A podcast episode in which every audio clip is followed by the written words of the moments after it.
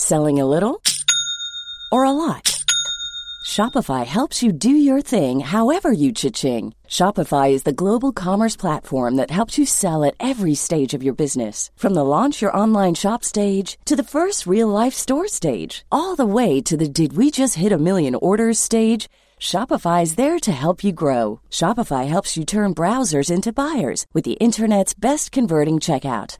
36% better on average compared to other leading commerce platforms because businesses that grow grow with Shopify. Get a $1 per month trial period at shopify.com/work. shopify.com/work. Hiring for your small business? If you're not looking for professionals on LinkedIn, you're looking in the wrong place. That's like looking for your car keys in a fish tank. LinkedIn helps you hire professionals you can't find anywhere else, even those who aren't actively searching for a new job but might be open to the perfect role. In a given month, over 70% of LinkedIn users don't even visit other leading job sites. So start looking in the right place. With LinkedIn, you can hire professionals like a professional. Post your free job on linkedin.com slash people today. Since 2013, Bombas has donated over 100 million socks, underwear, and T-shirts to those facing homelessness. If we counted those on air, this ad would last over 1,157 days. But if we counted the time it takes to make a donation possible, it would take just a few clicks. Because every time you make a purchase, Bombas donates an item to someone who needs it. Go to bombas.com slash ACAST and use code ACAST for 20% off your first purchase. That's bombas.com slash ACAST, code ACAST.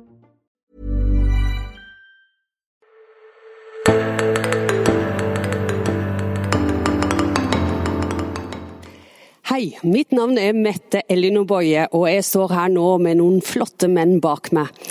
Oase er 40 år i år, og det ønsker vi å markere med bl.a. å ta en prat med gründerne bak, de som var med fra starten av, Jan Gosner og Jens Petter Jørgensen. Etter hvert i sendinga vil du også få møte Oddvar Søvik, Elin Fagerbakke, Trond Løberg og Gjermund Eikli. Så da gir jeg ordet over til Tarjei Gilje fra avisa Dagen, som tar praten videre. Takk skal du ha. Jens Petter Jørgensen, Vi snakket litt sammen i forrige uke om at Oase begynte annet som en, en botsvekkelse, en omvendelsesvekkelse. Eh, men det skjedde mot et kampfylt bakteppe ved at 70-årene var et spesielt eh, tiår. Du fremstår som en ganske fredelig fyr, men likevel ble Oase omstridt. Hvordan skjedde dette? Nei, det, det kom vel litt overraskende at det ble så omstridt eh, på oss som var unge og entusiastiske. Vi hadde først og fremst uh, fått oppleve en åndelig fornyelse i våre egne liv og våre egne tjenester, som hadde snudd mange ting opp ned. Fått uh, regne med Gud på en ny måte og oppleve hans kraft nettopp til det som var oppdraget vårt. Å vinne studenter og skoleungdom for Jesus, som vi drev på med på den tida der. Mm. Og der, når vi samles på det første Helligåndsseminaret, så som du sier, så ble det en botsvekkelse også. Uh, fordi at det første møtet starta med at vi lå på kne og ba Gud om tilgivelse for våre synder før han etter hvert kom inn og fylte oss med sin ånd og med sin kraft. Eh, vi var begeistra. Vi opplevde, hadde opplevd store ting med Gud og med hverandre. Og så oppdaga vi plutselig at det er dette som vi syntes var så fint, og vi trengte, det er jo dette kristen Norge trenger, det er jo dette Misjons-Norge trenger. Og så plutselig så var det avisinnlegg og andre innlegg og mye skepsis, som det kanskje er med mange alle, alle nye ting og vi nesten, om ikke vi ble kalt teretikere, eller, men i alle fall det var ganske sterke utsagn mot, mot, det vi drev på med. Og til og med i de mest lavkirkelige sammenhengene så ble det jo advart mot å dra på stevnene våre. Husker du sjøl et bestemt punkt eller en periode der du tenkte at nå, nå vi trenger en ny bevegelse i Norge, altså utover den individuelle fornyelsen, men at nå trengte vi oase? Nei, det tror jeg ikke. Nei. Altså, det var ingen som, Verken Jan eller noen av vi satte oss aldri ned og sa nå vil vi starte en bevegelse, nå vil vi lage en strategiplan. nå vil vi lage en plan. Det ene tok det andre. Altså, Vi tenkte jo i første omgang at vi hadde fått en fornyelse sjøl. Mm. Så ville vi ønske å invitere våre venner og våre kollegaer til et seminar hvor de kunne få, vi kunne dele ut fra Guds ord og de kunne få oppleve det samme. Og Så ble det seminarer rundt i hele Norges, i hele Norges land i 77, 78, 79. Og så ble det vokset. tenkte vi kanskje vi skulle gjøre noe på sommeren også, og samle hele kristenfolk, ikke bare lederne, men for hele landet. Og Så fikk vi jo Oase 80 i Kristiansand, som var det første stevnet. Og så tok det ene det andre. Jeg husker at eh, de første, de første årene så Jan var sentral, Odd og Søvik var sentral, og mange andre. Da var jeg hjemme hos Jan, han var prest i Halden, husker jeg. Mm. Og vi, eh, vi besøkte altså Vi drev jo på fritida fritid, fra, fra 1977 og fram til 1985 betalte vi, var det ingen ansatte. Vi betalte ikke en krone i honorar, verken til sanger eller eh, taler eller noe som helst. Det var et sånn arbeid som vi gjorde på fritida. Og det ene tok det andre, så det var jo langt etter 15-20 år vi begynte mer å organisere dette i litt større grad, med flere ansatte og kontor og alt sammen. Så dette var et langt svar på spørsmålet, men, men, svaret er i alle fall at det var ingen som satte seg ned og lagde nå skal vi lage en karismatisk bevegelse. Mm. Det var vår fornyelse, det var den karismatiske vekkelsen som gikk over hele, over hele verden. Ramma nettopp som nådde oss på 70-tallet. Og så ble det altså veien videre, men aldri at vi satte oss ned. Det kan sikkert Jan understreke. Ja. Jan Gossner, du var jo prest i Den norske kirke eh, i begynnelsen her, så ble du siden, siden frikirkepastor. Mm. Det er en annen historie. Eh, det har oppstått mange slags fornyelsesbevegelser i Den kristne kirke gjennom historien. Eh, og Da har jo de gjerne det felles at de ønsker å betone særlig noen sider ved kristen tro som man mener er blitt underbetont i den konteksten man befinner seg i. Eh, og i dag, nå har det gått 40 år, Vi har fått litt avstand til dette. Hva er det du i dag vil si var det underskuddet som Oase traff? da på det? Um, la meg bruke et bilde som passer bra i Norge, som vi også brukte Eh, for å si eh, hvorfor vi var så opptatt av Den hellige ånd eh, som en del av treenigheten. Fader, Sønn og Hellig ånd, skapelse, frelse og forløsning. Så, siden vi var her i Oslo, så lå jo da Christian Radich her nede, mm. fullrigger med tre master. Mm, da sa vi litt ironisk at uh, norsk vekkelseskristendom har vært veldig god på den annen artikkel, uh, Jesus og sentrum. Eh, men når det gjelder denne karismatiske vekkelsen, som da kom ikke luthersk, men i annen sammenheng, så har det nok vært mer markeringsvimpler enn virkelig å heise seil. Mm. Og vi som da hadde opplevd en fornyelse ved Den hellige ånd, som ikke brakte oss bort fra Jesus, men nettopp gjorde Jesus mm. som en del av livet, og, og at det sprang ut av det, så sa vi har man en solid kjøl, så kan man heise seil på alle troens tre master. Akkurat. For Her er det jo et bakteppe at det var et Helligåndsseminar som var i 77, vel, ja. i storsalen litt borte i gaten for her vi sitter ja. nå. Og Da fortalte Jens Petter at var, dere hadde ventet en 40-50 kanskje påmeldinger og måtte stoppe på 1200. Det kunne vært tror 1800 eh, altså, som, som gitt interesse. Eh, det i seg selv må jo ha gitt dere en, en, spesiell opplevelse av at oi, her er det virkelig en nerve eh, vi treffer. Eh, klarer du i dag å gjenskape den den følelsen av å være med på noe som, som har en spesiell medvind? da? Ja, det var jo til dels overveldende fordi vi var unge. altså mm. Vi var jo begynnelsen av 30-årene. Og vi, vi, traff jo noen, Hans, Hans Christian Lier, som hadde vært hovedprest i Eh, i Oslo Indremisjon, som det het da, senere Kirkens Bymisjon, hadde jo kommet hjem og, og fra utlandet og var en av de to som man visste om norske statskirkeprester som talte i tunger. Hans Jakob Frøen var den andre. Dagbladet slo det opp med krigsoverskrifter. For det var sensasjonelt med liksom sort prestekjole og eh, prestekrave og, og, greier. Så eh, Nei, vi hadde vel følelsen av når dette raste opp i over 1000 så skjønte vi jo at her er vi kommet borti noe. Men det jeg husker nesten aller best, jeg var den som holdt den første talen. Og og forsamlingen da valgte etterpå spontant å bøye kne. De gamle stolene i storsalen klapret, for det var noen sånne kinostoler. Eh, og det var en veldig fortettet, og han som var journalist i Vårt Land, som ble sjefredaktør, Helge Kjølestad, skulle dekke dette. Han kom bort til meg med veldig beveget ansikt, og jeg tenkte ja ja, journalister, hva skal du skrive om nå? Eh, jeg husker han sa at nå har du gjort det vanskelig. Ja, hva, hva, mener du? Hvordan skal jeg skrive om den atmosfæren som er her? Så Det, det tok jeg som en, på en måte som en kompliment ja. til Herren. At uh, her var det et eller annet som uansett hvorfor du kom dit, så, så var det noe som var til å ta og føle på. Mm. Og så forsto det var tilløp til kø ved telefonkioskene rundt Holbergsplass nedenfor der. Ja, nå blir det fort eh, legender. Vi skal ikke overdrive kanskje størrelsen på køene, men det var iallfall en del folk som Det var jo før mobilens tid. Ja, ja. Eh, og, det, og, det, var dette Det kom et eh, budskap i, med tunge og tydning. Hans Christian Lier var den som tydet det, og jeg husker enda noen av setningene. Veldig ulikt han, for han var en glad evangelist. Mm. Og det var liksom Hvem er du som kommer mot meg med din synd? Vend om, sier Herren. Bekjenn dine synder. Og så hadde vi da nevnt forskjellige ting, både individuelt og i det som kanskje eh, vi som kristenfolk hadde grunn til å bekjenne, for det var jo Nehemia 1, mm. med Nehemias nød for eh, Jerusalems murer, portene oppbrent og murene nedrevet. Så det ble en slags sånn kollektiv botstone. Vi hadde det mye innflytelse fra Mariasøstrene, mm. deres boten det salige liv.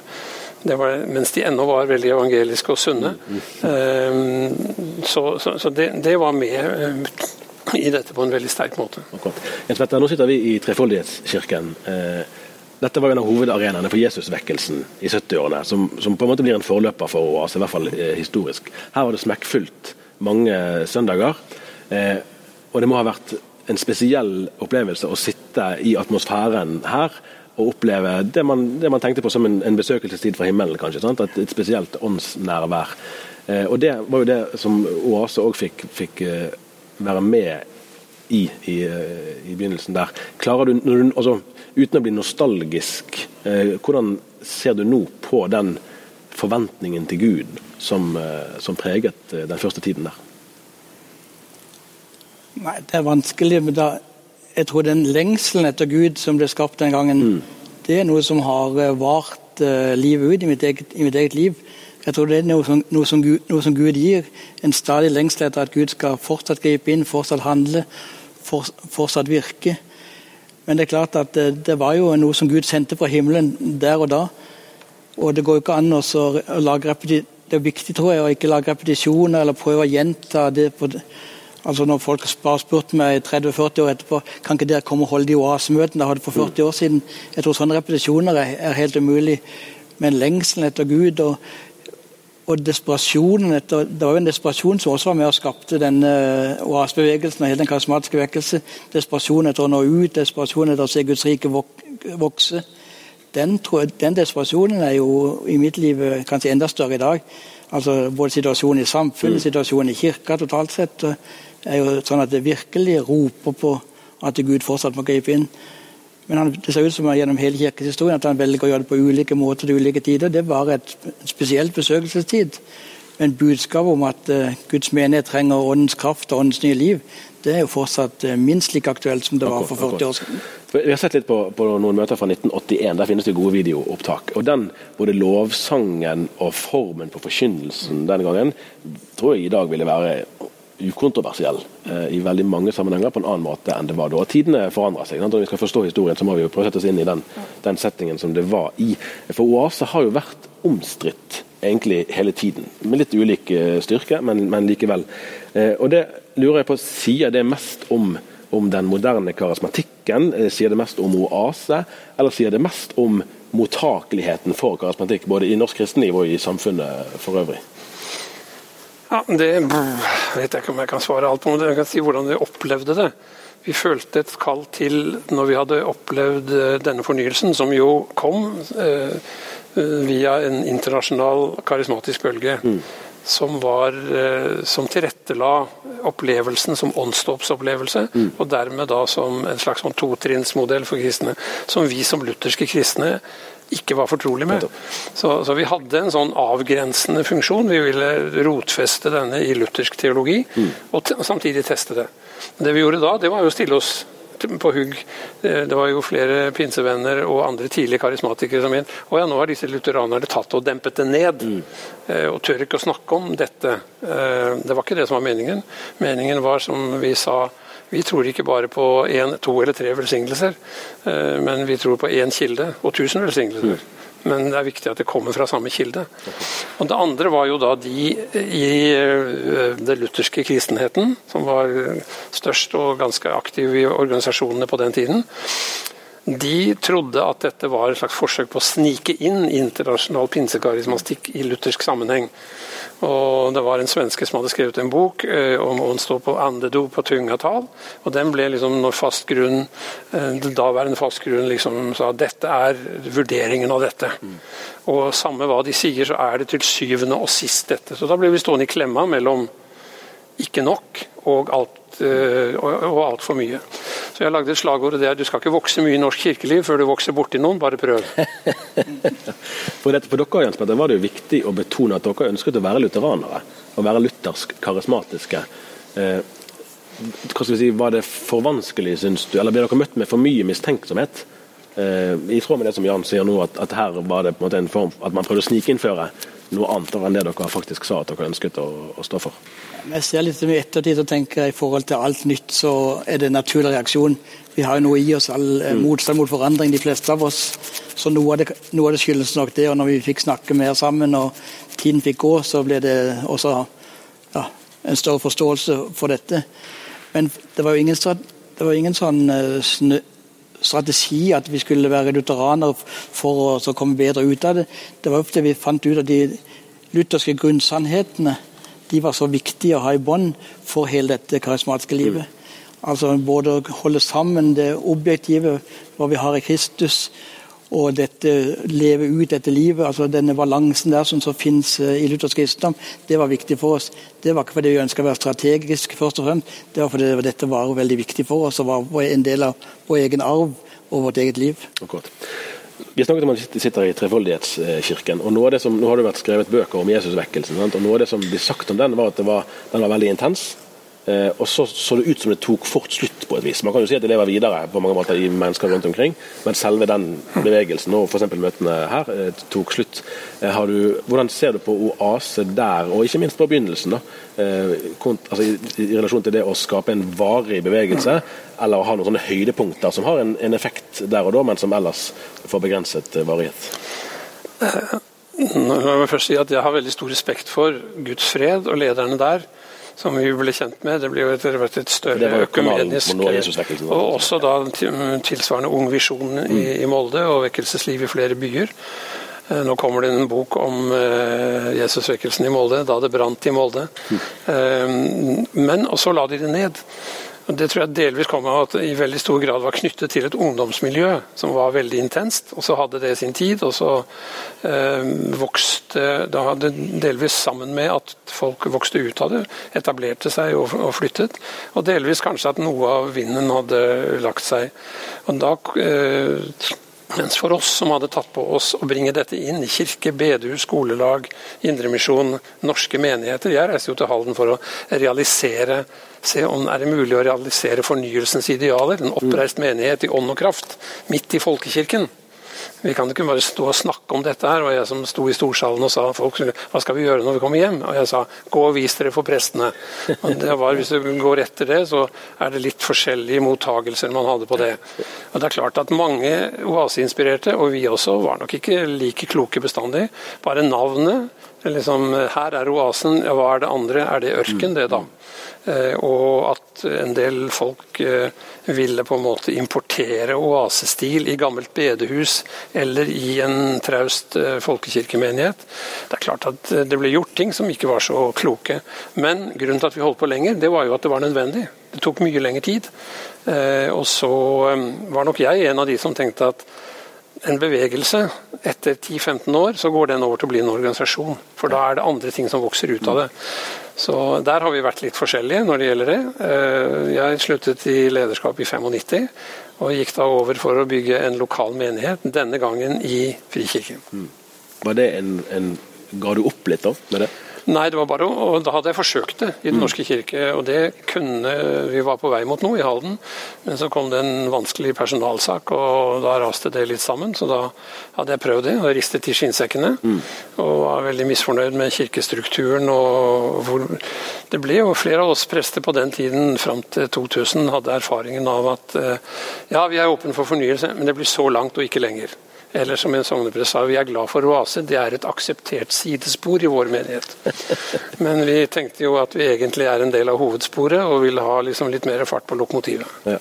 Men jeg tenkte også, jeg tenkte også når jeg satt i Trefoldighetskirka her på tirsdag og hadde besøk av Tormod Engelsviken, mm. og som sier, forteller oss at, uh, at den karismatiske vekkelse det er den i sør og øst i sør og øst er det den som er på går på seiersmarsj og seierstog. Det legges jo til millioner av, nye kristne. Og flertallet av de overalt er jo karismatiske kristne. Og det tenkte jeg For meg var det viktig å si at dette er noe som Gud fortsetter å gjøre. Og jeg tror også fortsetter å gjøre, ønsker å gjøre i Norge. Så kan en diskutere med eller ut, med rett eller ikke rett at det der er altså hadde oppgang og nedgang. Det har vært rare, underlige fenomener, det har vært ting som en kan sikkert kritisere. og det, Livet går litt sånn opp og ned. Men totalt sett så ser det ut som dette er noe som Gud ønsker å føre fram. skal det bli seier og skal det Guds rike vokse, så er vi helt avhengig av denne karismatiske dimensjonen som eh, Oase fikk lov til å være del i. Og jeg tenker meg at uh, ingen kirke eller ikke noe land som ønsker å vinne sitt folk med evangeliet for Jesus, kan leve uten den karismatiske fornyelse og Helligåndens kraft.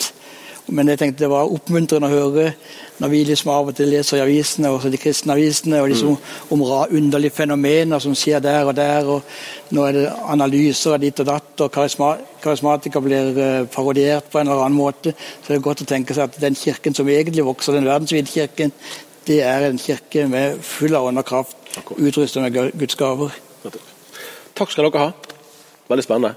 Da skal vi få opp eh, neste panel. På NLA-høgskolen gir vi deg utdanning med mening. Og samfunnet trenger både sannhetssøkende journalister, kloke pedagoger, etisk bevisste økonomer og musikere som berører. Sjekk ut NLA-høgskolens studietilbud på nla.no, eller besøk et av våre studiesteder i Bergen, Kristiansand eller Oslo. Oase begynte med et uttalt mål om å være en fornyelsesbevegelse innen Den norske kirke. Det bød på utfordringer. Etter hvert har man òg utvidet siktemålet til å nå et bredere lag av Kristen-Norge. Og karismatikken har bredt seg både i frikirker og bedehusmiljø. Elin Fagerbakken, mange kjenner deg fra Kvinner i nettverk. Du har òg vært pastor i det som nå heter Misjonskirken Norge. Du har møtt karismatikken både gjennom Oase, men òg gjennom frikirkeligheten. Jeg lurer på hva du vil si om utviklingen i, i mottakeligheten for det som blir kalt for den karismatiske fornyelse gjennom disse 40 årene som Oase har holdt på? Ja, jeg synes Det har vært en veldig spennende reise, egentlig. Jeg ble jo med ganske tidlig, i 82 sjøl, i forbindelse med en eh, oasehelg, og fikk lov til å oppleve det flotte miljøet i Kristiansand på den tida der. Det var helt eh, skjellsettende og betydde enormt mye for meg som ung, uh, ung jente da. Jeg var bare 17 år. Eh, og når, Hvis en da går tilbake og ser hvordan det ble tatt imot, og den hva skal jeg si, utfordringen som kom For det var jo, det var jo eh, en del skjær i sjøen og en del misforståelse og, og en del frykt som, som, var til stede. Så, så det, det, var godt vi var noen stykker som kunne stå sammen, for å si det sånn.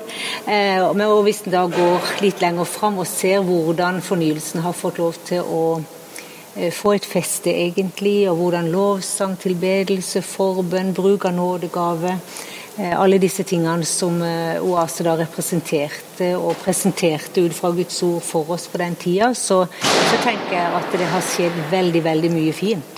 Og at mye av det som var Oases anliggende da, det, det har vi jo sett folde seg ut ja. på mange måter i, i landet vårt. Og så har jo kan si Oase og andre organisasjoner også vært med å virkelig hva skal jeg si, sette lys på ting som ikke hadde vært så belyst før i tradisjonelle sammenhenger. Mm. Og Jeg har jo selv vokst opp i luthersk frikirke, og som du sa, så har jeg jobba i Misjonskirken noen år.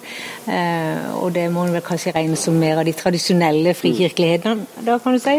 Eh, men at det har blitt en aksept som er to verdener på de 40 årene vi leser. Hvordan eh, vurderer du situasjonen i dag? På den ene siden kan det virke som at vi ser nesten en forsterket skepsis mot en del karismatikk. Eh, samtidig som det er jo en kjensgjerning at hvis man ser på lovsangsstil f.eks., at i dag vil jo den kunne ligne ganske mye på et bedehus, eh, på en frikirke og på gamle oasestevner. Ja, ja, du har jo veldig mye likt, og ikke minst i yngre miljøet kan du si, så brukes jo de samme sangene eh, så å si overalt. Mm. Um, men jeg tenker jo at det har vært Det har jo gått litt i bølger. Eh, og der har jo eh, Oase synes jeg, vært eh, modige, og de har tørt å på en måte kjenne på det som ligger i tida, og det som Gud setter lys på. Og så har det jo vært en hva skal jeg si, både åpenhet og lengsel og tørst i, i, i Norge, syns jeg å merke. Og på samme tid som det har vært en, en, skepsis. Og det ser ut som det er noe vi må leve med. At det kommer liksom bølger av kritikk og bølger av spørsmål, og det må vi jo ta på alvor. Og jeg tenker jo litt sånn at eh, nå har vi vært i en kosmatisk eh, fornyelse i bare i Oase da, i 40 år, så tenker jeg vi har veldig mye erfaring. Og jeg tenker kanskje at vi er, kanskje aldri har vært på et bedre sted i forhold til å kunne presentere en sunn åndelighet og gi kosmatikken et godt leie. Mm. For nå har vi liksom snart to generasjoner som har levd i fornyelse. Okay. Eh, og da tenker jeg vi må håndtere utfordringene, kritikken, passe på at vi holder oss både selvfølgelig innenfor rammen av Guds ord, og også bestrebe en sunn karismatikk. Også på samme tid sikkert leve med at noen syns eh, at det vi står for og tror på og ser i Guds ord, det, det er de ikke enig i. Akkurat, akkurat. Ja. Og det var så viktig, var jeg husker du det het evangeliseringssekretær i gamle Indremisjonsselskapet. Det synes jeg var en sånn fin tittel i det som nå heter, heter Nordmisjonen. tilbake i 1981. Og du har vært forsamlingsleder i Nordmisjonen, du har vært eh, forkynner og litt av hvert òg i, i Frikirken og rundt i Kristen-Norge. Eh, er det allmenn endringsfrykt som forklarer mesteparten av kontroversene rundt oase, eh, eller vil du si at den, den teologiske uenigheten òg har, har pløyd dypere enn en det? da? Jeg tror nok at det er begge deler. Både frykt for forandring, og enhver forandring skaper gjerne litt frykt. Og så har det også vært uh, en del teologisk motstand.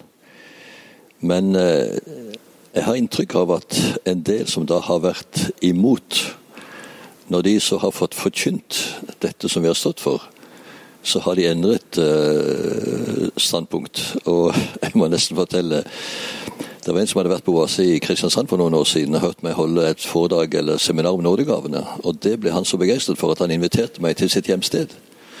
Og jeg sa ja, det er bare avtale med styret, så kommer jeg. Men så kom det en trist melding at dessverre, jeg kunne ikke komme, for de skulle bare ha lutherske forkynnere. Ja vel, jeg har i grunnen regnet meg som en god lutheraner, sa jeg. Hva er det en luthersk forkynner, da? Jo, det sto i statuttene for bedehuset at man skulle bare ha forkynnelse om ord om korset. Ja, for Paulus vil ikke vite noe annet enn ord om korset. Og da måtte jeg si det at man bør jo lese Guds ord i sin sammenheng. Mm. Og der skriver Paulus da jeg kom til dere, vil jeg ikke vite noe annet enn Jesus Kristus ham korsfestet. For jeg vil ikke at deres tro skulle bygge på menneskelig visdom, men på Guds kraft. Men nå så Paulus har lagt grunnvollen, så forkynner han sannelig om nåde over ditt av hvert, sa jeg. Så det må ikke bli verken mer bibelsk eller mer luthersk enn Luther, sa jeg. For Lutheren skulle også ikke bare gode, gode påskepredikanter, men også pinsepredikanter. Mm. Jo, jo, de tok det opp i styret igjen når jeg ble invitert. Noe av kritikken mot for så vidt oase, men også mot karismatikken har vel vært at den i noens øyne blir nesten et mål i seg sjøl. Altså at man søker, eh, om det er tungetall eller om det er profetier eller helbredelse, og at det blir en, en hovedsak på det ordet om korsets eh, bekostning. Eh, hvordan ser du på den kritikken i de 40 årene som har gått i disse historiene? Jeg syns nok at det er en litt urettferdig kritikk. For det som var på en måte visjonen for Oase da vi startet, det var fornyelse, utrustning og misjon. Det var de tre stikkordene. Og den kraften vi søkte og lengtet etter og ba om, var nettopp for å bli utrustet til å bringe evangeliet ut. Og Jeg pleier å si ofte at eh, viktigere enn å føle ånden, er å følge ånden. Og Åndens oppgave er både herliggjøre Jesus og drive misjon. Og Jesus lovte at Ånden skulle komme. Dere skal få kraft, og dere skal være mine vitner. Og Hvis ikke åndsutrustning og fornyelse fører til utsendelse, så er det misforstått. Da blir det selvdigging og selvopptatthet. Så jeg tror det er veldig viktig å løfte fram denne dimensjonen at vi er herre for å få flere med. Og da opplever vi også hvordan egne ressurser kommer til kort. Men nettopp der er jo løftet. Dere skal få kraft, og dere skal gå ut. Akkurat. Jeg tror også det, hvis jeg kan føye til det, at uh, fortsatt så trengs det å forkynnes om Den hellige ånds gjerning. Og jeg hadde en opplevelse for noen år siden jeg skulle være bibeltime og holde på en såkalt bibelferie. Og nå er det gjerne godt voksne folk som kommer der. Og Jeg hadde akkurat fått uh, gitt ut denne her boken på nytt, 'Strømmer av levende vann', og tenkte nå skal jeg gjøre det litt lettvint. Nå skal jeg holde noen bibeltime ut for den boken, for da hadde jeg liksom dette ferskt i minnet. Og Jeg holdt ti bibeltimer om Den hellige ånds gjerning. Og folk kom etterpå. 'Dette har vi aldri hørt om.' Dette har vi aldri hørt om. Dette var helt nytt for oss. Og Her er det folk som har gått altså i bedehus et helt liv og sier at de har ikke hørt om dette. Da er det noe som mangler. Og Jeg tror det var Luther som sa det at mangler i forkynnelsen fører til mangler i forsamlingen. Alt Guds ord lå på prekestolen. Trond Løberg, du har vært i mange år med i lederskapet i Oase. Du har ledet lederskapet i Oase. Og så er du fremdeles òg prest i Den norske kirke i aktiv tjeneste. Eh, du sa var det på tirsdag tror jeg, denne uken på et av møtene her, at, eh, at man kan jo alltids beklage seg over at ikke Oase har fått større gjennomslag der enn, enn man har fått, men at du fremdeles ser mange muligheter for å leve ut Oase-arven i din eh, prestehverdag. Si litt om hvordan det konkret kan komme til uttrykk. Jeg tror at Oases eh, budskap og anliggende har hatt større nedslag både i det frikirkelige og i organisasjonssammenhenger mm. enn i Den norske kirke. Men det er en mulighet i Den norske kirke også. Og jeg tenker at det handler om, som vi nettopp hørte, altså at vi må forkynne om Den hellige ånd. Og hjelpe mennesker til å erfare og bli fylt av Den hellige ånd. Eh, og jeg tror at det er en mangel på forkynnelse for tiden. Jeg tror den forkynnelsen var mye tydeligere både på 70- og 80-tallet enn det den er i dag. Derfor er det nok færre som på en måte erfarer å bli fylt av ånden, slik som mange har opplevd det, enten som en sånn gjennomgripende engangserfaring eller som en dynamisk, langtvirkende erfaring. Så det trenger vi å ta opp igjen på, på talerstolen. Og så må vi gi også mulighet til at folk kan bli bedt for, for å få ta imot denne opplevelsen av Den hellige ånd. Og så tenker jeg at eh, det krever litt sånn frimodige prester og trygge prester mm. som våger å slippe dette til også i gudstjenestesammenheng. For det er rom hvis at vi vil bruke anledningen. Både til lovsang og tilbedelse, og til forbønn og til vitnesbyrd. Ja, jeg vil gjerne utfordre på det. for ja. det der, det jo, altså Lovsangen var jo et viktig kjennetegn ved Oase. Ja. Som en, i hvert fall et supplement, da, om ikke en kontrast til salmesangen. Forbønn den konkrete å kunne gå frem eller inn på et siderom eller gå til forbønn. Ja. Og forkynnelsen om Den hellige ånd og Den hellige ånds gjerning. Det er kanskje tre sånne viktige områder. Ja, ja. Eh, opplever du at alle de tre har faktisk eh, rom i, i høymesserammen da, i Den norske kirke? Ja, det er mulig å få rom til det i høymesserammen. Mm. I vår menighet så bruker vi å utvide det vi kaller Gloria-leddet, altså, som kommer ganske tidlig i gudstjenesten, til å ha en lovsangsavdeling mange ganger. Ja. Og så eh, er det at eh, I forbindelse med nattverden så praktiserer vi at mennesker kan gå til forbønn samtidig. Mm. Og dette med nådegaver, jeg, jeg, nesten savner at ikke det er mye mer av det. Jeg tror det var faktisk mer av både tungetall og profeti og disse tingene i tidligere tider. Nå er det veldig mange sammenhenger hvor ikke det gis rom for det. Men det bør være rom for det. Også i høymessen og i andre møter. Mm, mm. Eh, jeg tror Oase er en av de få steder hvor man aktivt egentlig ønsker å få budskap opp på talerstolen og bringe det ut. Så jeg savner nok det i en del sammenhenger. Ja. Og så vil jo en del, eh, Det har jo vært debatt om også i avisen der jeg jobber, at Oase har sluppet til eh, både profetier av, av nokså dramatisk art og at man på ulike måter har, har, kanskje sluppet til for mye, vil noen mene. Og så spørs det hvor mye krefter man skal bruke på å da forklare seg og forsvare seg og diskutere, mm. eller ikke. For det, det, har vel antagelig ført til at en del kanskje er blitt mer skeptiske til om, om denne oasebevegelsen egentlig fortjener så stor plass osv. Eh, hvordan har du, både nå, men òg når du satt med mer ansvar sjøl, hvordan opplever du de samtalene? De var krevende. De var det fordi at eh, det kan nok hende at vi slapp til for mye mm. innimellom. Og at vi var for spisse og på en måte gikk for langt, som gjorde at noen også backa unna en del. Eh, så i etterpåklokskapens lys så kan det være at vi skulle vært noe mer forsiktige. Mm. Men det jeg syns eh, vi har hørt som respons i det siste, er at folk på en måte kjenner igjen oase på en trygg måte. Og at de som har vært på stevnene sier at dette er noe av det flotteste de har opplevd på veldig veldig lenge. Og at det er godt forankra i Guds ord og i vår teologi. Og at det har en form som på en måte er mulig å ta imot, og som en kan, kan identifisere seg med. Så jeg tenker at eh, Oase er på, på god vei, tenker mm. jeg. Mm. Akkurat. Elin, eh, vi har snakket i flere runder om, om Den hellige ånds gjerning. og Jesus selv introduserte Den hellige ånd talsmann for disiplene og sa litt om hva han skulle gjøre. Eh, og så, er jo Noe av, av, kritikken mot denne moderne karismatikken, hvis vi kan bruke det begrepet, da, at det er mye følelser, det er ikke så mye teologi, man kjenner det ene og kjenner det andre. Eh, fører dette egentlig til evangeliet, eller bort fra evangeliet? Har du, har du sjøl møtt den type kritikk i de sammenhengene du har operert i? Ja, den har jo den eh, kritikken. Og, noen ganger syns jeg det er veldig urettferdig, for jeg syns at det er både en teologi og det er eh, en base i, i, Guds ord på, på, det som, på det som skjer. Eh, men kritikken har en, jo, jo fått inn. Men jeg, jeg tenker jo at det har, jeg synes at det har bare hjulpet meg til å spisse meg litt. Grann, da, og være bevisst på hva, at en forkynner evangeliet, at en forkynner korset, at en forkynner hva skal jeg si, basis eh, kristen, kristendom. Og at en sørger for at, eh, at en etablerer en god grunnvoll ikke sant, på, på, det en holder på med. Jeg syns det har vært eh, det er liksom kjedelig når kritikken kommer og du, og du liksom må ta en sånn MR på din egen, din egen, din egen bevegelse og alt hva han står i tydelig, men så tenker jeg det har jeg valgt å tenke at det skal bare spisses til å være enda mer tydelig på, på Guds ord og på det som er på det som er sant og, og riktig. Jeg tenkte på dette ordet det står at så har da vitnesbyrd om Kristus fått et sikkert feste hos dere. Og så står det 'derfor mangler dere ingen nådegave'. Mm. Så jeg syns det er veldig sterkt egentlig i forhold til det vi snakker om. At, eh, at det er liksom det er ikke, Jeg syns ikke en kan løsrive fornyelse, Den hellige ånds kraft, eh, fra Kristusopplevelsen. Opplevelsen av hva Jesus gjorde på korset. Det henger helt i sammen. Eh, og det prøver jeg å spisse nøye på i forhold til formidling og det vi står på og det vi står i. Akkurat. Oddvar, eh, Den hellige ånd skulle lære disiplene om synd og rettferdighet og dom. Eh, eh, og, og, og, Vi snakker om Den hellige ånds gjerning som en, eh, en, hjelp til å leve det kristne livet. egentlig.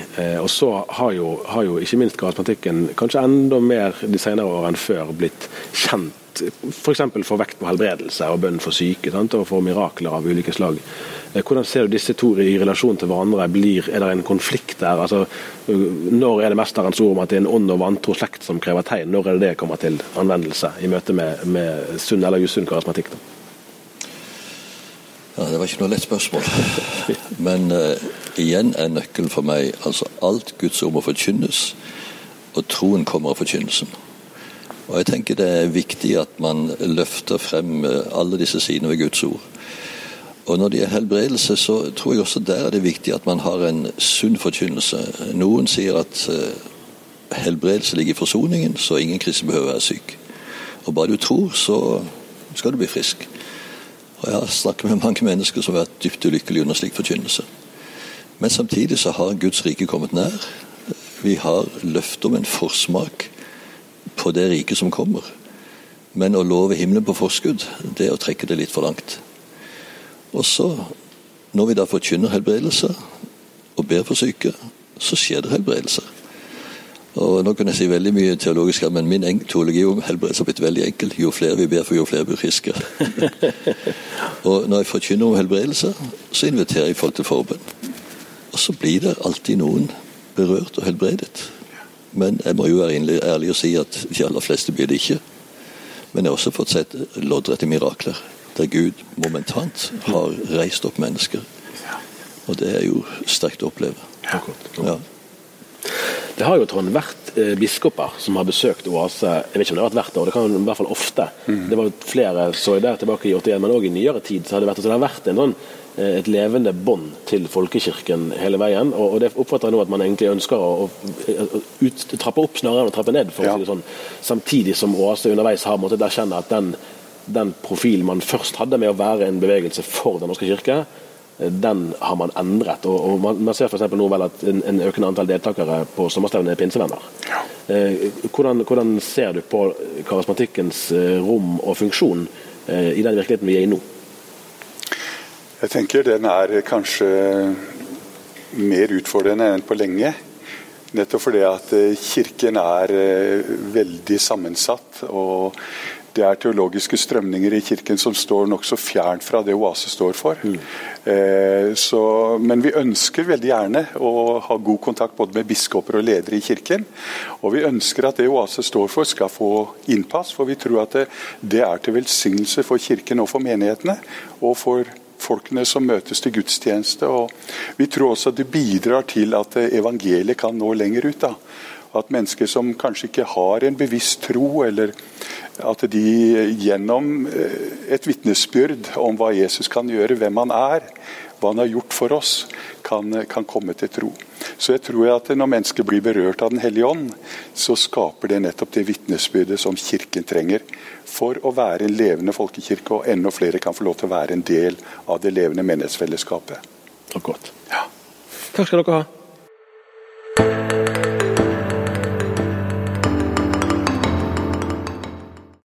Et jubileum er jo en naturlig anledning til å se bakover på det som har vært, men det er òg en naturlig anledning til å se fremover på det som skal komme. Og Da tar vi utgangspunkt i situasjonen her nå i Trefoldighetskirken. Mette Elinor Boje, du har vært med i lederskapet i Oase i en del år, og er med her i år. Hva er det du savner mest med å ikke kunne møtes, sånn som Oase-stevnet vanligvis er preget av? Du sa det egentlig akkurat nå, eh, for det er nettopp det å møtes så mange som vi gjør på Oasistevnet hver sommer. Alle relasjonene. Det å klemme folk, eh, være nær mennesker, eh, prate med, andre mennesker. Men vi, sånn som her i, i Trefaldighetskirka nå, så har vi, vi har lovsangen, vi har god forkynnelse, vi har veiledere som også ber for folk med god avstand. Men, men det er klart vi er få her. og de som eh, samles, de samles rundt i hjemmet og rundt i hele Norge. Mm, mm. Når man møtes, så kan det jo altså På den ene siden kan oase være nettopp en oase. Eh, at man, man, får ny næring. Men hvis man i hverdagen opplever å leve i et ørkenland, så kan det jo òg være en sånn fortvilelse oh, her kan jeg endelig finne litt trøst, men så må jeg tilbake til det traurige der hjemme. Mm. Eller det kan være at man har det bra, og så kommer man sammen, det er bare et, et høydepunkt. Har du opplevd kanskje litt begge deler? Hvordan mm. syns du Oase fungerer i så måte? Ja, nei, for nå, Akkurat nå så bor vi i Rogaland. Eh, vi flytta ned dit for eh, ca. åtte år siden.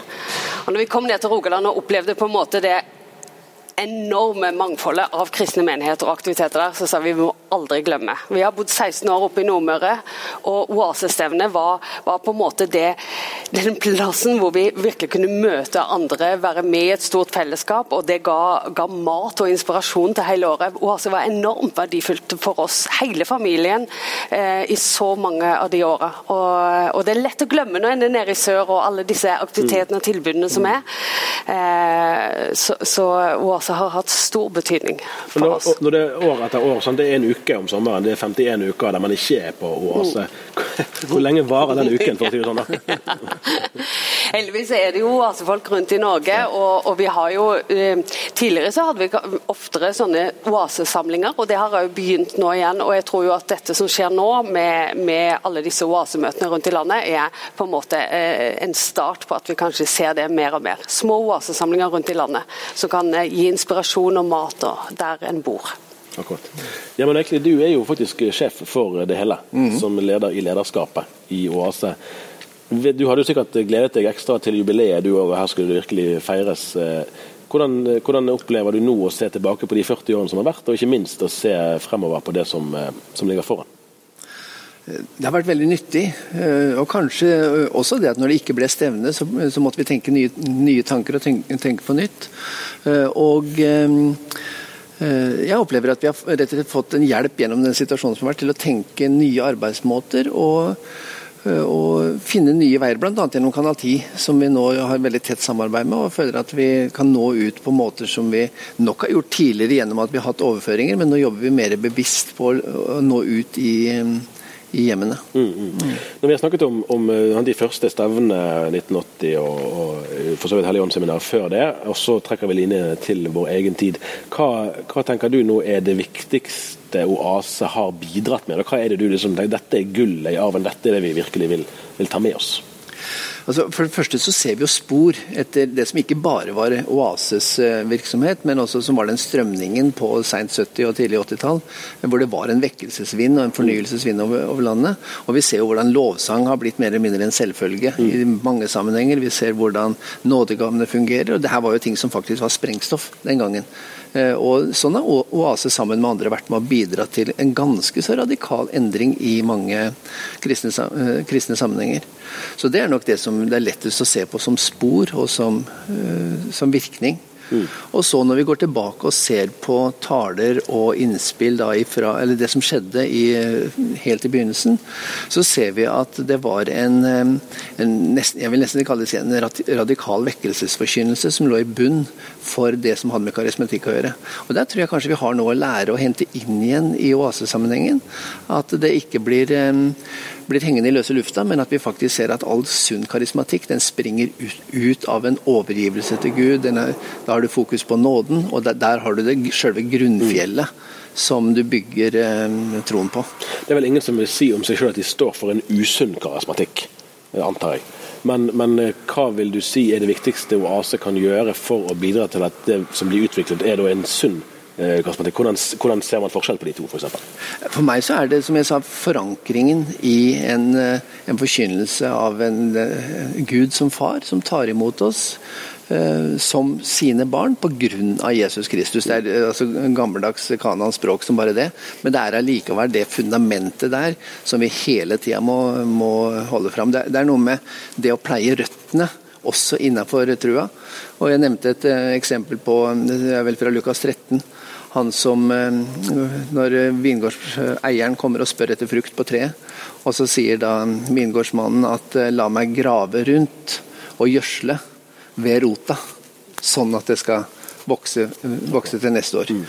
Og det, det, er for meg et bilde på at ja, vi må ikke glemme den grunnleggende forkynnelsen, så folk kommer inn i den nære gudsrelasjonen. For det er der også de karismatiske tingene hører hjemme og fødes. Mm, mm. mm. Mette, vi har snakket i flere omganger nå om, om at Oase har vært omstridt. Eh, med ulik styrke, men likevel gjennom mesteparten eller hele sin historie. Og Når man sitter i lederskapet eller med lederansvar, og det gjelder jo også for, for de prester og menighetsledere som ønsker en karismatisk fornyelse i sine respektive sammenhenger, så litt enkelt sagt så kan man jo velge mellom å si ok, dette har vi tro på, dette går vi for, vi skal være kloke og sånn, men vi går for dette, og så får folk heller reagere, og så får vi håndtere det.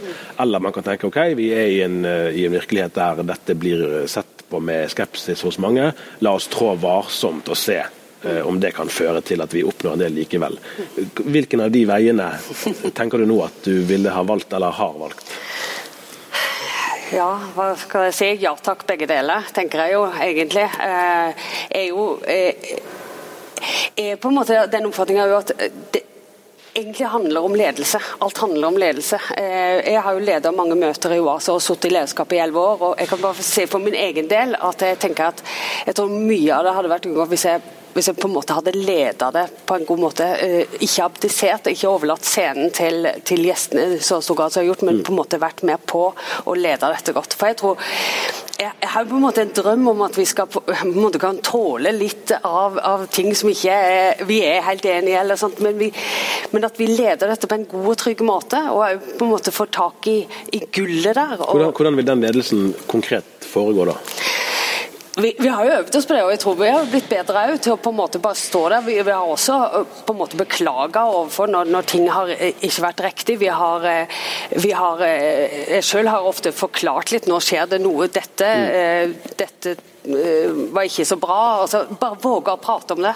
Og det er faktisk litt det, Når du snakker om dette med, med sunn karismatikk, så tenker jeg at, at, det handler litt om at, å våge å stille spørsmålstegn. Eh, for det har ofte vært litt sånn greie når, når, ting blir litt sånn eh, Å, så sier Gud, og nå føler vi at Gud gjør det. Og så, så tenker jeg at så, så akkurat som Folk er litt redd for å ødelegge det åndelige hvis vi begynner å stille spørsmålstegn. Det stopper ikke Gud. Han lar seg ikke forstyrre av at vi liksom OK, eh, hva skjer nå? Hva, eh, eh, og Det tror jeg på en måte er en, egentlig en nøkkel. Våge å, å, stille spørsmålstegn med ting. Akkurat. Sett nå, Der er en gjestepredikant, og nå har jeg ingen konkrete i tankene. Eh, og Det kan jo i og for seg være en, en faste, altså en norsk predikant også, som kommer med en profeti. Mm. Dommedag i morgen, eller altså noe dramatisk. da. Mm. Eh, hva skal møteleder da, og hva skal du da som styreleder helt konkret gjøre? Skal du, skal du gå opp på scenen med en gang og si dette kan ikke vi stå for, eller skal du skrive brev til folk etter en uke når du har tenkt å gå? Altså, er, måte, hvordan møter man det? da?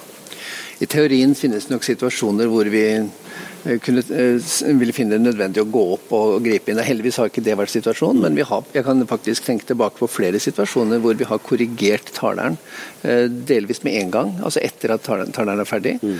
Og også fra talerstolen dagen etter, når vi har tenkt oss om og sett at nei, det her var faktisk ikke sunn karismatikk. Mm. Så går vi opp og sier at det her er Oases standpunkt i forhold til den, den saken. Det, det, skjer med jevne mellomrom. Og så skjer det jo mye på bakrommet som verken stevnedeltakere eller presidenter pressen eh, er kjent med, mm. hvor vi er i dialog med, med forkynnere. Hvordan, hvordan, har du opplevd altså den eh, skepsis, eller grad av skepsis, da, eh, kontra grad av nysgjerrighet og åpenhet? Når det blir sagt et eller annet som ok, dette var litt uventet, dette har ikke vi hørt, og dette var litt annerledes enn det vi hadde kanskje forventet. Eh, ser du mest av ok, her var det noe vi kan lære, eller, eller eh, blir du overrasket over at, at det er motvilje større enn velvilje da, i lyttingen? Altså, I det norske kristenlandskapet så er jo motviljen lett å mobilisere. Så den, den kommer. Det ser ikke så bra ut. Nei, men det, det, er bare sånn som det er. Fordi alle har, er så glad i å ha meninger, hvis det er noe man kan uh, feste seg opp i. Så Det blir veldig begge deler, det som du, du sier der. Altså, jeg syns ikke det er noe som er helt gjennomgående. for på, Mens noen da reagerer med stor grad av skepsis, så er det jo andre som griper veldig begjærlig. Og da er vi tilbake der som Mette sa, at nesten, vi, vi må gå inn og være modne i møte med det vi det vi får presentert, og, og forholde oss til det på en moden måte. Akkurat. Det var jo viktig å si fra begynnelsen av at dette skulle ikke være en bevegelse bare for de særlig interesserte, for de som var spesielt karismatisk anlagte eller i den gaten, men dette skulle være en fornyelsesbevegelse for hele kirken. Du har jo operert i Den norske kirke gjennom mange år. Eh, hvordan vil du, Hvilke råd vil du gi for eksempel, til prester da, som ja, men de ønsker å, å, at dette ikke skal bli en sånn her greie på siden av et sidespor, som Jens Petter Jørgensen og Jan Gossen har snakket om tidligere. Eh, hvor ser du mulighetene der? Ja. Jeg tror noe av det som på en måte oase og oasestevnene eh, hvor det legger vekt på at det er ikke bare talen som er viktig, i, det er helheten eh, og det med hele mennesket. Eh, og helt sånn konkret på, på, eh, i forhold til gudstjeneste og menighetsliv, så tenker jeg det, det som oasebevegelsen har, har opparbeidet seg i forhold til veiledningstjenesten, eh, enormt viktig. Måten, måten, veiledere blir opplært på i oase, og, og det veilederdokumentet som er utarbeidet gjennom mange år, det, det, det, er allerede i bruk i mange av, de, av kirkene og menighetene rundt i landet. Eh, helt sånn konkret så, så har vi, vi, i vår kirke, og jeg vet mange andre plasser, brukt det dokumentet. Vi, vi har eh, fått inn poster hvor folk blir bedt for etter eh, nattvær f.eks. At forbønnstjenesten i, i, gudstjenesten og skal være med inn der. Eh, både inspirere og gi opplæring. Um, vi har òg eh, Vitnesbyrdet har alltid vært viktig i Oase. Det å få høre fra folk. Hva, hva gjør Gud i livet? Eh, I vår gudstjeneste så har vi noe som vi kaller Femminutteren, som er en, en slags sofaprat. Hvor, hvor, vi hører fra livet, eh, får tak i historiene. Og, og På den måten så, så blir eh, gudstjenestene noe mer enn bare en går til og, og sitter og hører på, men en, en får ja, hun får være flere og, og, delta der og høre mer fra livet hos folk. Mm, godt. Ja, men, eh, vi har snakket mange ganger om, om Den norske kirke og, og ønsket om å være en fornyelsesbevegelse der. og så eh, er det jo en kjensgjerning at samtidig som karismatikken har bredd seg rundt omkring i kristen Norge, sånn at det som tidligere ble sett på som karismatikk, i dag er ganske gjengs i mange mm forskjellige eh, miljøer. Eh, og Det har vel òg eh, den konsekvensen at, at Oase er i dag en arena som ikke bare lutheranere Eh, oppsøker. Sånn har det kanskje alltid vært, men jeg har inntrykk av at det er mer det enn før. Samtidig som man ønsker å, å fortsette å, å, ha en innflytelse eller en, en, dialog med Den norske kirke, mm -hmm. der utviklingen for mange måter går andre veier enn Oase ønsker. Eh, er det fare for en spagat her, at man prøver på to ting som, eh, som vanskelig lar seg forene? I den grad vi var, skulle være organisatorisk knytta til Den norske kirke, og samtidig til f.eks. pinsebevegelsen eller andre frikirkelige bevegelser, så ville spagaten kunne oppstå eller ganske sikkert oppstå. Men vi er jo helt uavhengige som bevegelse. Det er bevegelsens egenart at vi ikke er underlagt andre eh, organisasjoner. Og Det gjør at vi kan stå i det rommet mellom kirken og det frikirkelige, eh, og fortsatt ha begge som målgruppe. og, og søke å bidra til fornyelse for begge de stedene.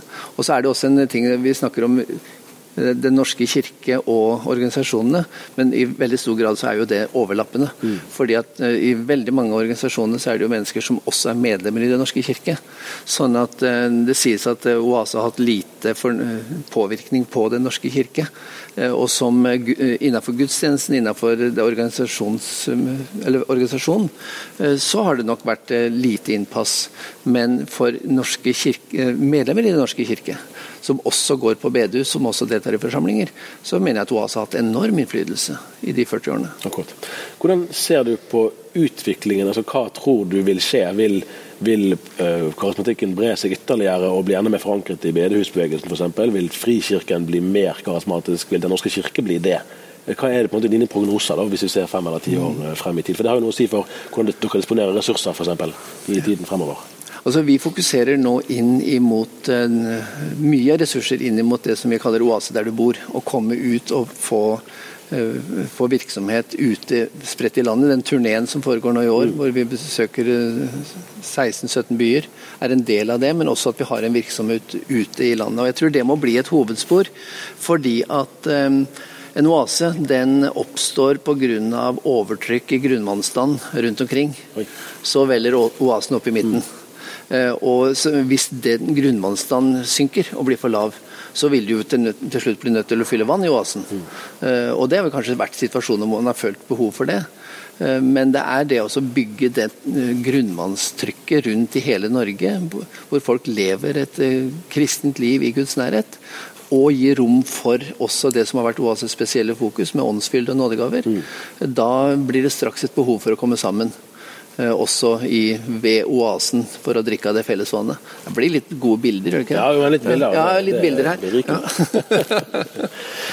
Mitt inntrykk med dette er jo at uh, når du hører liksom, han er en karismatisk pastor eller en karismatisk leder, altså sagt om kristne, det er ikke noe det er ikke noe, noe liksom, tillitserklæring da, i, i media f.eks. Eh, og jeg har en opplevelse av at det òg er blitt mer omstridt eh, i løpet av de siste ti årene. Det, det, er subjektivt, så jeg kan ikke dokumentere det, men det er mitt inntrykk. Og da vil jeg gjerne spørre deg om hvordan du ser eh, hva, hva, ser du som de neste utviklingstrekkene, da, disse som ligger an til å skje? Eh, med den egenarten Oase har, vil det bli mer kontroversielt, kanskje? Hva eventuelt bør Oase gjøre da, for å ta vare på sin profil, og samtidig ikke gjøre ting vanskeligere for seg sjøl enn nødvendig? Da? Mm. Jeg har bare lyst til å kommentere først akkurat det der med bare helt kort i forhold til dette med, med det økumeniske i Oase. for Jeg tror det handler litt om det. og det fordi at Den enheten eh, som, som Oase har, måten de samler menigheter på tvers, jeg tror det er en avgjørende nøkkel eh, på, på, de ulike stedene der vi bor.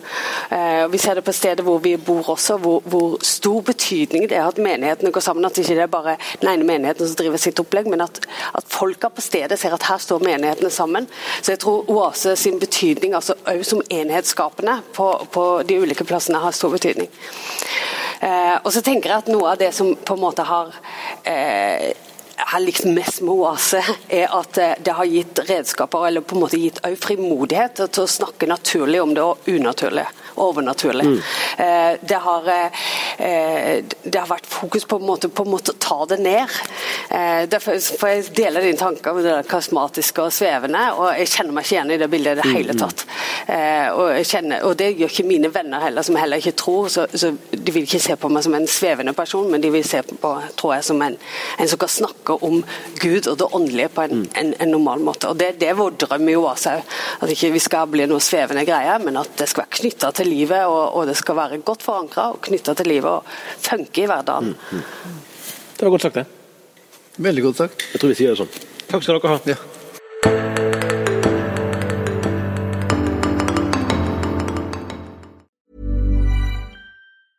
Normally, being a little extra might be a bit much, but not when it comes to healthcare. That's why United Healthcare's Health Protector Guard fixed indemnity insurance plans, underwritten by Golden Rule Insurance Company, supplement your primary plan so you manage out of pocket costs. Learn more at uh1.com. Hey, it's Danny Pellegrino from Everything Iconic.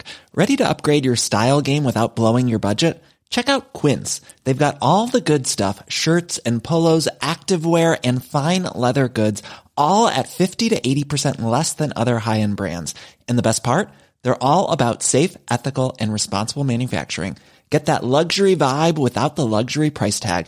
Hit up quince.com slash upgrade for free shipping and 365-day returns on your next order. That's quince.com slash upgrade. When you make decisions for your company, you look for the no-brainers. If you have a lot of mailing to do, stamps.com is the ultimate no-brainer. Use the Stamps.com mobile app to mail everything you need to keep your business running with up to 89% off USPS and UPS. Make the same no-brainer decision as over 1 million other businesses with Stamps.com. Use code PROGRAM for a special offer. That's Stamps.com, code PROGRAM.